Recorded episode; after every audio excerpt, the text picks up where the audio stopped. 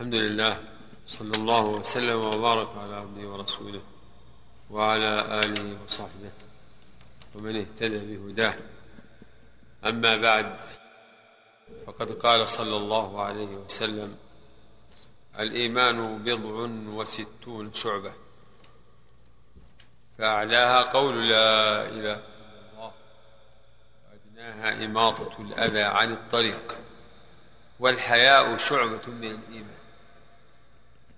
هذا نص بأن أعلى شعب الإيمان وأفضل شعب الإيمان وأكمل شعب الإيمان وأوجب شعب الإيمان كلمة التوحيد. لا إله إلا الله.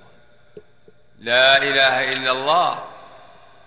هذه الكلمة هي مدار دين الرسل. دين الرسل كلهم من أولهم إلى آخرهم يرتكز على مضمون هذه الكلمة. فأصل دين الرسل الأصل الذي عليه مدار دين الإسلام الذي بعث الله به رسله هو كلمة لا إله إلا الله. فهي أفضل كلمة وأصدق كلمة أصدق كلمة. وأفضل كلمة هي التي شهد الله بها لنفسه. شهد الله أنه لا إله إلا هو والملائكة وأولو العلم قائما بالقسط. لا إله إلا هو العزيز الحكيم. وجاء عنه عليه الصلاة والسلام أنه قال أفضل ما قلت أنا والنبيون قبلي لا إله إلا الله. هذه أفضل ما قاله الأنبياء والصالحون.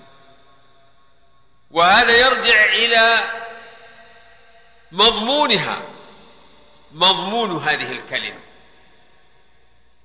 مضمونها الإيمان بالله والكفر بالطاغوت. هذا مضمونها مضمونها إثبات الإلهية لله. فإنه الإله الحق. ونفيها عما سواه. هذا مضمون هذه الكلمة. فمن يكفر بالطاغوت ويؤمن بالله فقد استمسك بالعروة الوثقى لا انفصام لها والله سميع عليم. ومضمون هذه الكلمة أيضا إفراده تعالى بالولاء والحب وبحب من يحب والبراءة من من أعدائه المشركين وشركهم وآلهتهم. وإذ قال إبراهيم لأبيه وقومه إنني براء مما تعبدون إلا الذي فطرني فإنه سيهدين وجعلها كلمة باقية في عقبه لعلهم يرجعون. فهذه الكلمة تتضمن هذه البراءة هي. براءة من كل معبود بالباطل. لا إله. لا إله أي كل إله سوى الله باطل. كما قال الذين ألا كل شيء ما خلا الله باطل؟ فهذه الكلمة قال فيها الرسول عليه الصلاة والسلام أصدق كلمة قالها الشاعر كلمة لبيد ألا كل شيء ما خلا الله باطل. فكل ما يد ما يدعى ويرجى ويخاف من الخلق فهو باطل. ذلك بأن الله هو الحق وأن ما يدعون من دونه هو الباطل. وأن الله وأنه هو العلي فهي مفتاح دعوة الرسل. فكل نبي يبدأ دعوته بمضمون هذه الكلمة. يقول لقومه اعبدوا الله ما لكم من إله ما لكم من إله غيره. وقد أخبر بذلك عن جميع الرسل في قوله ولقد بعثنا في كل أمة رسولا أن اعبدوا الله واجتنبوا الطاغوت. هذه إشارة إلى عظيم إلى فضل هذه الكلمة وعظم شأنها و وهذه الكلمة ينبغي للإنسان أن يعرف معناها ويعرف الشروط اللازمة لصحتها لأنه ليس كل من يقولها تصح منه. ليس كل من يقول لا إله إلا الله يكون تكون صحيحة منه ونافعة له. لا. فإن لها شروطا. ونستمع إلى ما ذكره شيخنا الشيخ عبد العزيز ابن باز ابن عبد الله بن باز في الدروس المهمة. التي من أعظم هذه الدروس الكلام على معنى كلمة التوحيد وما يتعلق بها من الشروط. فتفضل نستمع الدرس الثاني أركان الإسلام. بيان أركان الإسلام الخمسة وأولها وأعظمها شهادة أن لا إله إلا الله وأن محمدا رسول الله.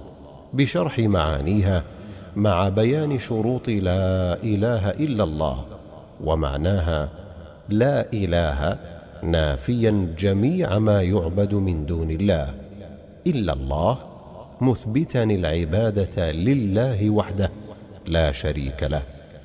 نقف يا إخوان مع هذا النص جملة جملة حتى هذا معناه.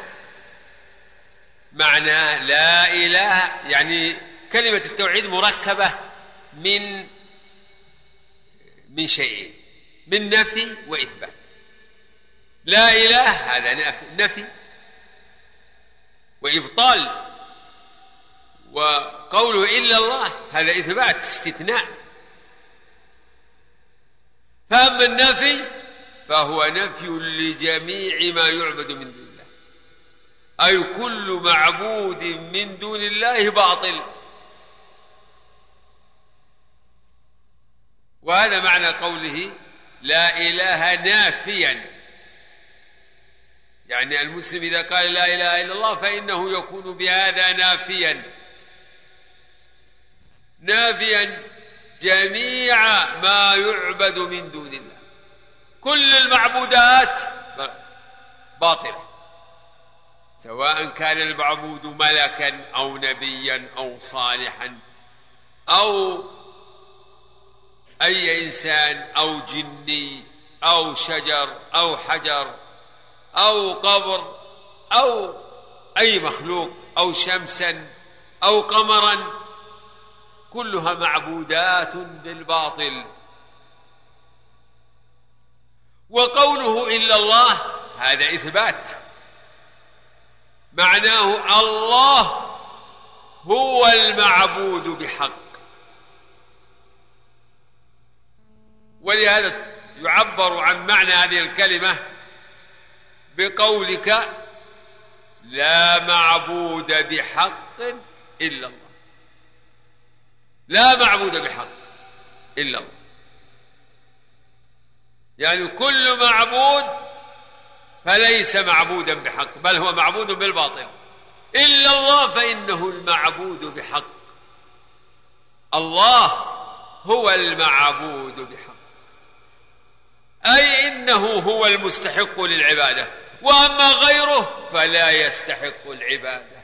لا يستحقها. لأن جميع لأن كل ما سوى الله مخلوق. مربوب مدبر فقير. ومن هذه حاله لا يصلح للعبادة لا يصلح أن يعبد. فكان لهذه الكلمة ركنان النفي والإثبات. كما قلنا في البداية متضمنة للإيمان بالله. الإيمان بالله مستفاد من الاستثناء إلا الله. والكفر بالطاغوت هذا مستفاد من النفي. فالذي يقول لا إله إلا الله كأنه يقول أؤمن بالله ربا ومعبودا وأكفر بالطاغوت أكفر بكل ما يعبد من دون الله. وأما شروط لا إله إلا الله فهي العلم المنافي للجهل. واليقين المنافي للشك والإخلاص المنافي للشرك والصدق المنافي للكذب والمحبة المنافية للبغض والانقياد المنافي للترك والقبول المنافي للرد والكفر بما يعبد من دون الله. وقد جمعت في البيتين الآتيين علم يقين وإخلاص وصدق كما محبة وانقياد والقبول لها. وزيد ثامنها الكفران منك بما سوى الإله من الأشياء قد ألها. مع بيان شهادة أن محمدا رسول الله ومقتضاها تصديقه فيما أخبر وطاعته فيما أمر واجتناب ما نهى عنه وزجر. والا يعبد الله إلا بما شرعه الله عز وجل ورسوله. ثم يبين للطالب بقية أركان الإسلام الخمسة وهي الصلاة والزكاة وصوم رمضان وحج بيت الله الحرام لمن استطاع إليه سبيلا. هذه شروط. شروط يعني الأمور التي لا بد منها لصحة الكلمة. لصحة قول لا إله إلا الله. مثل شروط الصلاة. الصلاة لها شروط. هل تصح الصلاة بلا طهارة؟ لا. هل تصح بلا بلا سترة؟ يعني سترة للعورة ستر للعورة؟ لا. هل تصح الصلاة من غير استقبال للقبلة؟ لا. هذه شروط. من شروطها فكلمة التوحيد لها شروط. تتبعها العلماء وجمعوها فوجدوها ثمانية ثمانية شروط. لكن بعضها أو أكثرها مستلزم لبعض. يعني إنها يستلزم بعضها بعضا.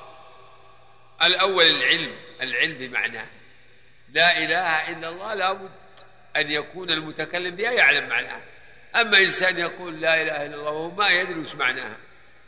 مثل من ينطق كلمة أعجمية لا يدري. بس يحرك لسانه بما لا يدري معناه. قوله لا إله إلا الله مثل أن يقول ليس في الدار أحد. يعني ما عنده فرق. ما يدري ما معناه. لا بد من العلم. قال الله تعالى فاعلم أنه لا إله اعلم. إلا من شهد بالحق وهم يعلمون. فهذا الشرط الأول. العلم المنافي للجهل. ضد العلم الجهل. فالناس قسمان. منهم من يقولها وهو يعلم معناه ومنهم من يقولها وهو لا يدري عن معناه. ولا وليس يعني ليس العلم بمعناها يعني ليس بشرط أن يكون آه، يعرف العبارات العلماء لكن يعرف إن إن كل ما معبود باطل. والله هو هو المعبود بحق. إذا فهم هذا فهو يعلم معناها فهو يعلم معنى لا إله إلا الله. ولو لم يعرف عبارات العلماء. الشرط الثاني يقين. وضد اليقين الشك. فالذي يقول لا إله إلا الله ما متردد. ما عنده علم راسخ ويقين جازم لا. ليس عنده يقين. فإنها لا تنفعه لأنه شك. ومن أنواع النفاق ومن أنواع الكفر الشك. كفر الشك ونفاق الشك من النفاق ما سببه الشك بشك التردد. واليقين هو الجزم. فشرط هذه الكلمة الجزم بمعناها أن يكون قائلها جازما ما عنده ما عنده. تردد. الشرط الثالث الصدق. المنافي للكذب. المنافقون يقولونها وهم يكذبون. وإذا لقوا الذين آمنوا قالوا آمنا وإذا خلوا إلى شياطينهم قالوا إن معكم إنما نحن مستهزئون. وإذا جاءوا للرسول قالوا نشهد إنك لرسول الله. قال الله والله يعلم إنك لرسوله والله يشهد إن المنافقين لكاذبون. فالكافر إذا أمر بالإسلام وخاف فقالها خوفا لم تنفعه. لم تنفعه ما دام إنه يقولها خوف. المنافقون لماذا يقولونها يقولونها خوفا. يقولونها خوفا من أجل حقن دمائهم لأنهم لو لو أظهروا كفرهم بها قتلهم المسلمون وحكموا عليهم بالردة. ولكنهم يقولونها تقية يقولونها ليحرزوا دماءهم وأموالهم. لأنه عليه الصلاة والسلام يقول من قال لا إله إلا الله أمرت أن أقاتل الناس حتى يقولوا لا إله إلا الله. فإذا قالوا عصموا مني دماءهم وأموالهم إلا بحقها وحسابهم على الله. الشرط الرابع الإخلاص. المنافي للشرك فالصدق ضده الكذب والإخلاص ضده الشرك. يعني أن يقولها مخلصا. مخلصا لله. ألا لله الدين الخالص. فاعبد الله مخلصا له الدين. لا يقولها رياء بل يقولها مخلصا في ذلك لله. يقولها يريد بذلك وجه الله والشرط الخامس القبول. القبول ضد الرد يعني أن يقبل هذه الكلمة. إذا قيل له قل لا إله إلا الله الكافر إذا قيل له قل لا إله إلا الله فقبلها صار مسلما. إذا قبلها ظاهرا وباطنا. أما من قبلها ظاهرا فهو الكاذب لأنه يقول بلسانه ما ليس في قلبه. وأما من ردها فهو كافر ولو كان يقر بها في الباطن إلا أن يكون مكرها إلا أن يكون مكرها. أبو طالب عم النبي صلى الله عليه وسلم كان النبي صلى الله عليه وسلم حريصا على هدايته. حتى في آخر الحياة حياته جاء وقد حضره الموت فصار يقول له يا عمي قل لا إله إلا الله. كلمة نحاج لك من عند الله. وكان عنده بعض جلساء السوء من المشركين. فقالوا لو أترغب عن ملة عبد المطلب ترغب عن ملة أبوك وجدك. فحركوا فيه النعرة العصبية. فما زال النبي عليه الصلاة والسلام يعيد عليه وهم يعيدون تذكيره بملة جده أو ملة أبيه عبد المطلب. حتى كان آخر قوله هو على ملة عبد المطلب. يعني أبى فأبى أن يقول إذا ردها ولم يقبلها. وشرط آخر وهو الانقياد. الانقياد استسلام وخضوع و يعني ضد الانقياد ضدها الإباء. الإباء ضد الانقياد الاستكبار.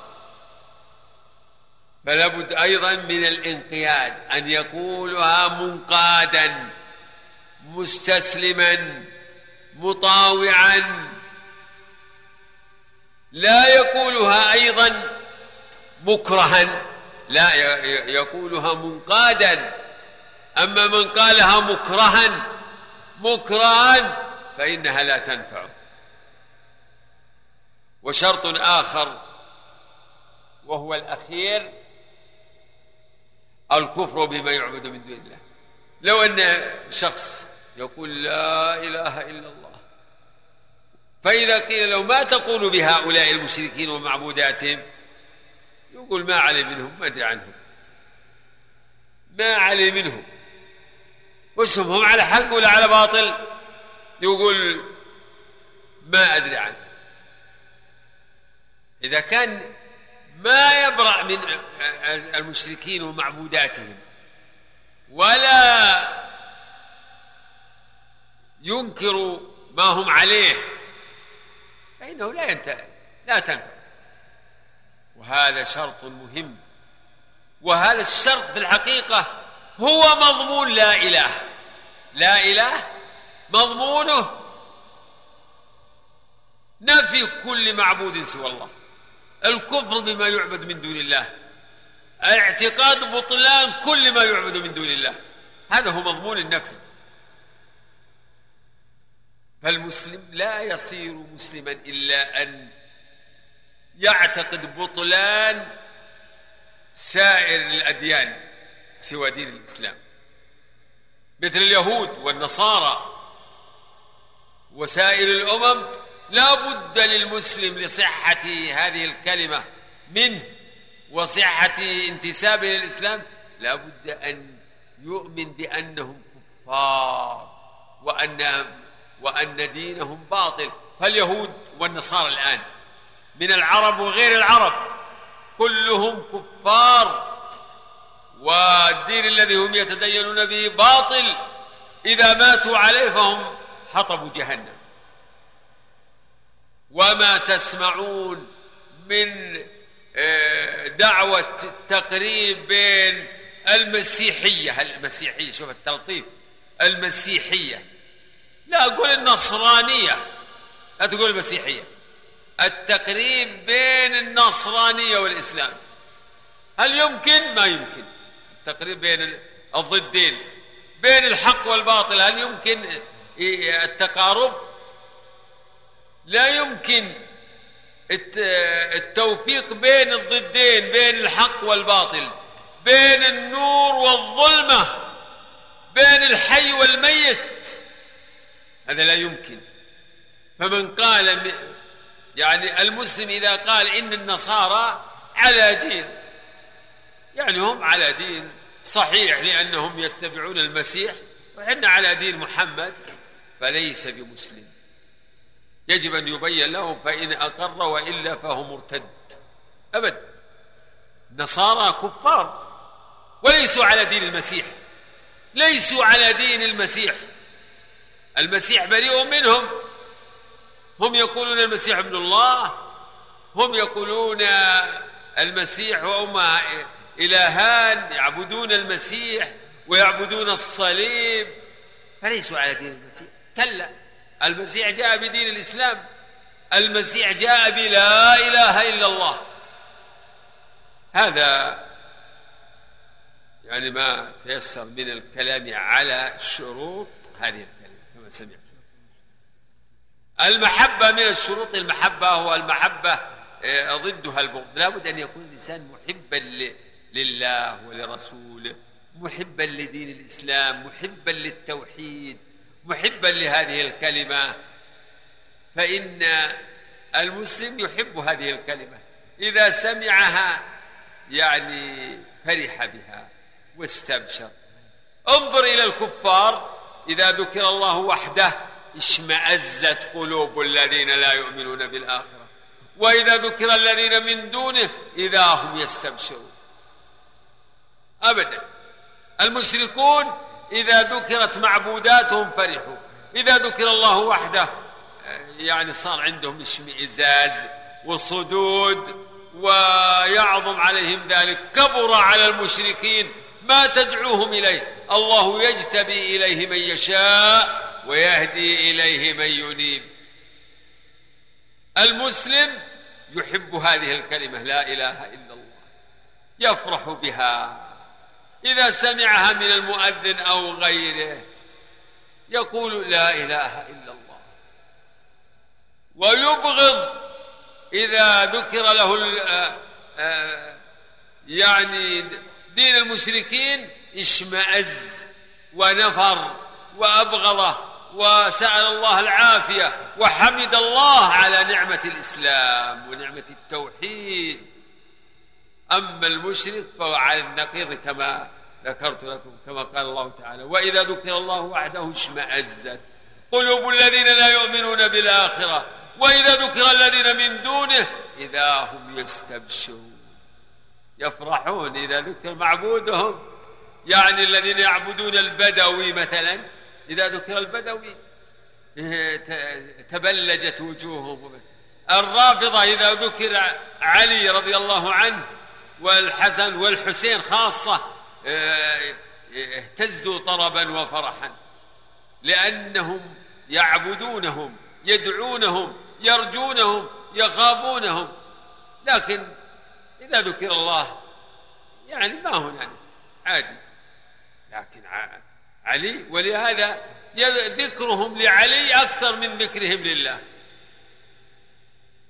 وإن ذكروا الله فهم يذكرونه وهم يعبدون معه غيره.